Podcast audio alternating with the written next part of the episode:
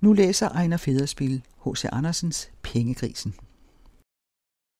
Der var så meget legetøj i børnenes stue. Øverst på skabet stod sparebøssen. Den var af lertøj og skikkede sig en gris. Den havde naturlig sprække i ryggen, og sprækken var med en kniv gjort større, så der også kunne gå sølvdaler ind. Og der var gået to, for uden mange andre skillinger. Pengegrisen var så proppet, at han ikke længere kunne rasle, og se, det er jo det højeste, en pengegris skal bringe det til. Der stod han nu, øverst på hylden, og så ned på alt i stuen. Han vidste nok, at med hvad han havde i maven, så kunne han købe det hele. Og det er at en god bevidsthed. Så det tænkte de andre også på, men de sagde det ikke. Der var der også andet at tale om. Kommodeskuffen stod på klem, og der viste sig en stor dukke.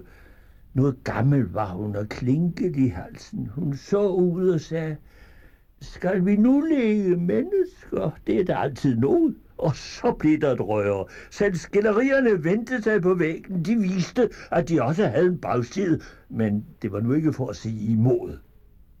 Det var midt om natten. Månen skinnede ind af vinduet og gav fri belysning. Nu skulle lejen begynde. Alt var indbudt. Selv barnevognen, der dog hører til det grove legetøj. En hver kan være god for sig, sagde den. Man kan ikke alle være alle. Nogen må gøre gavn, som man siger. Pengegrisen var den eneste, som fik indbydelsen skriftlig. Han stod for højt til, at de troede, at han kunne høre den mundtligt. Han kan heller ikke svare, om han kom. For han kom ikke. Skulle han med, måtte han nyde det hjemmefra. Det kunne de rette sig efter, og det gjorde de. Det lille dukketeater blev straks stillet op, således at han kunne se lige ind i det. De ville begynde med komedie, og så skulle der være te og forstandsøvelse, men med den begyndte de nu straks. Gyngehesten talte om trænering og fuldblås. Barnevognen om jernbaner og dampkraft. Ja, det var jo alt sammen noget, der hørte til deres fag, og som de kunne tale om. Stueuret talte om politik, tik, tik, tik. Den vidste, hvad klokken var slået. Men man sagde, at den gik ikke rigtigt. Spanskerstokken stod og var stolt af sin dubsko og sin sølvknap. Han var beslået både for oven og for neden. I sofaen lå to broderede puder, og de var nydelige og dumme. Og så kunne komedien begynde.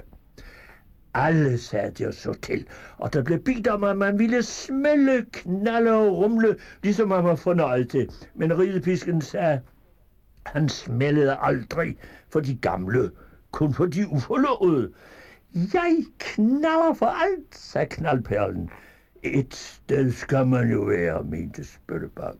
Nå, det var nu en værs tanke ved at være på komedie. Stykket duede ikke, men det blev godt givet. Alle de spillende vendte den malede side ud af. De var kun til at se på den ene led, ikke på vrangen, og alle spillede de udmærket helt forud af teatret. Tråden var for lang i dem, men så blev de mere mærkbare.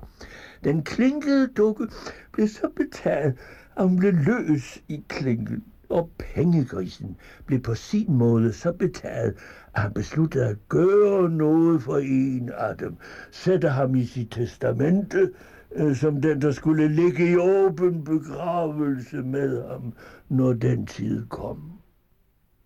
Det var en sand nydelse, så man opgav tilvandet og blev ved forstandsøvelsen. Det kaldte man at lege mennesker, at der var ingen ondskab deri, for de legede jo kun. Men hver tænkte på sig, og på hvad pengegrisen tænkte. Men pengegrisen tænkte længst. Han tænkte på testament og begravelse, og når kommer det i stand altid, før man venter det.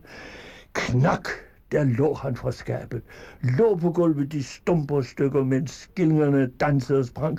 De mindste snorede, de store trillede, især den ene sølvdaler. Han ville ordentligt ud i verden, og det kom han, og det kom de alle sammen.